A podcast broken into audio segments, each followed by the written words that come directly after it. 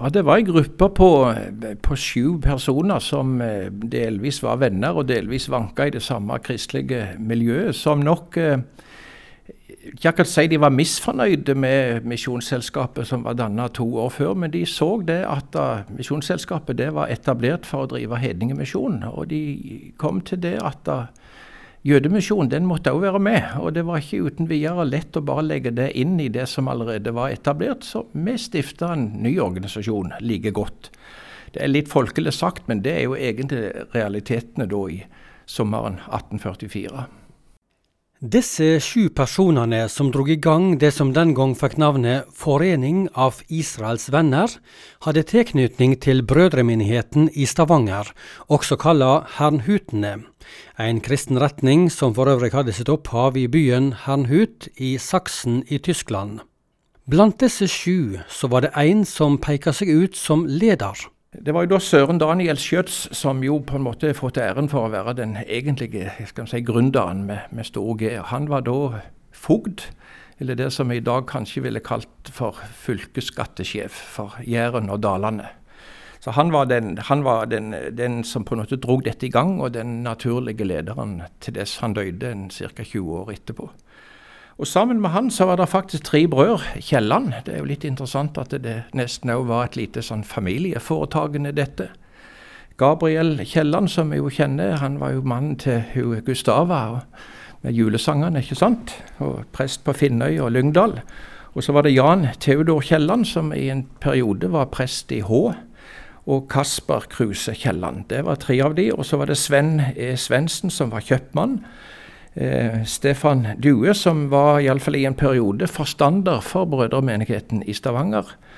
Eh, også en som heter Endre og Han vet relativt lite om. De gjetta på historikerne at han òg var kjøpmann i Stavanger. Men disse karene i Stavanger, som altså dro i gang eh, Misjonsselskapet et par år før, var også aktive i annet eh, kristent arbeid, de så synet for at jødene må få evangeliet de så veldige syner, og kanskje de hadde mer visjoner enn vi, vi, har hatt noen gang i etterkant. For det hadde litt sammenheng med at det skjedde noe i Jerusalem i 1842. Det var nemlig det to-tre vesteuropeiske misjonsselskap som eh, faktisk klarte å etablere en, eh, skal vi si, en luthersk eh, synagoge, eller bispedømme, i Jerusalem. Og til alt overmål så klarte de å finne en en jødisk person som hadde tatt eh, teologi, og som var blitt ordinert til biskop, som da ble plassert i Jerusalem. Um, og Da var det mange som tenkte at dette er et endetidstegn. Nå vil det skje store ting blant Herrens folk i hans eget land. Det var med og utløste, i tillegg til en viss smule misnøye med at, at Jødemisjonen ikke ikke var en del av misjonsselskapet.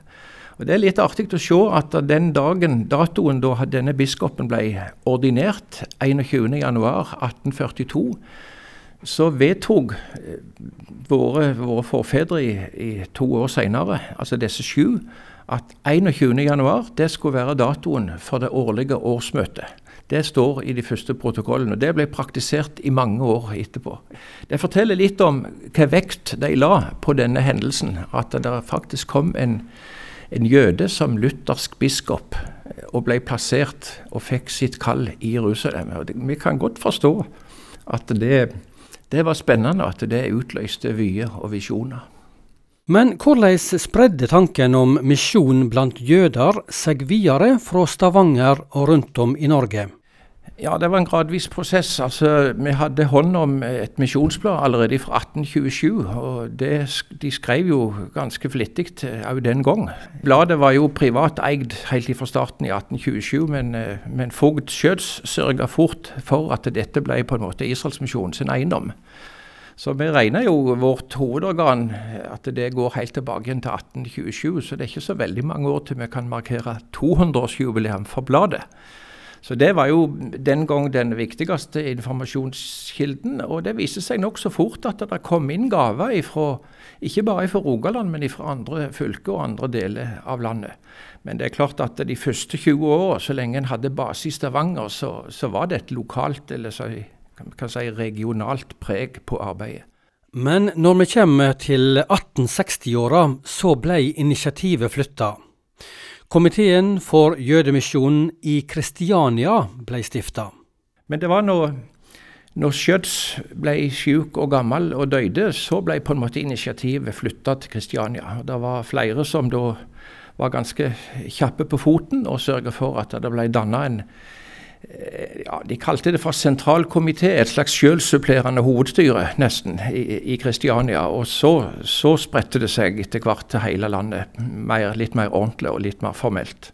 I perioden fra 1865 og utover så ble dette misjonsarbeidet styrt av denne sentralkomiteen i Kristiania.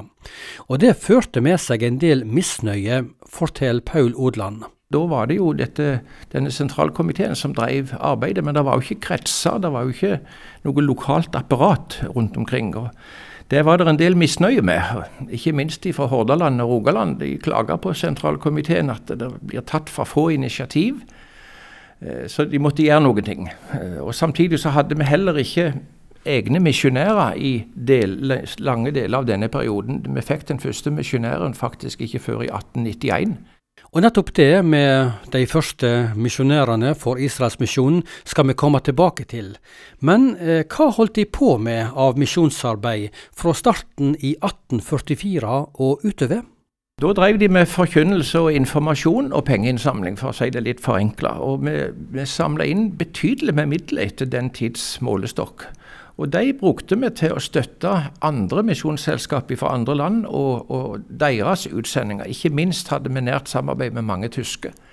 Så Slik sett så hadde, kan vi vel også si at vi hadde utsendinger, men ikke, ikke våre egne i sånn streng forstand. Og Stort sett var jo da fokusert på Øst-Europa. Det var jo der stort sett den jødiske befolkningen bodde på, på 1800-tallet.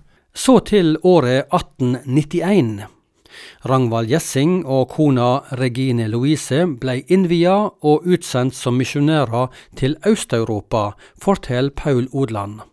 De ble innvia og utsendt i 1891, og det var en enorm lettelse og nesten ekstatisk glede hos sentralkomiteen at nå endelig har vi fått egne misjonærer.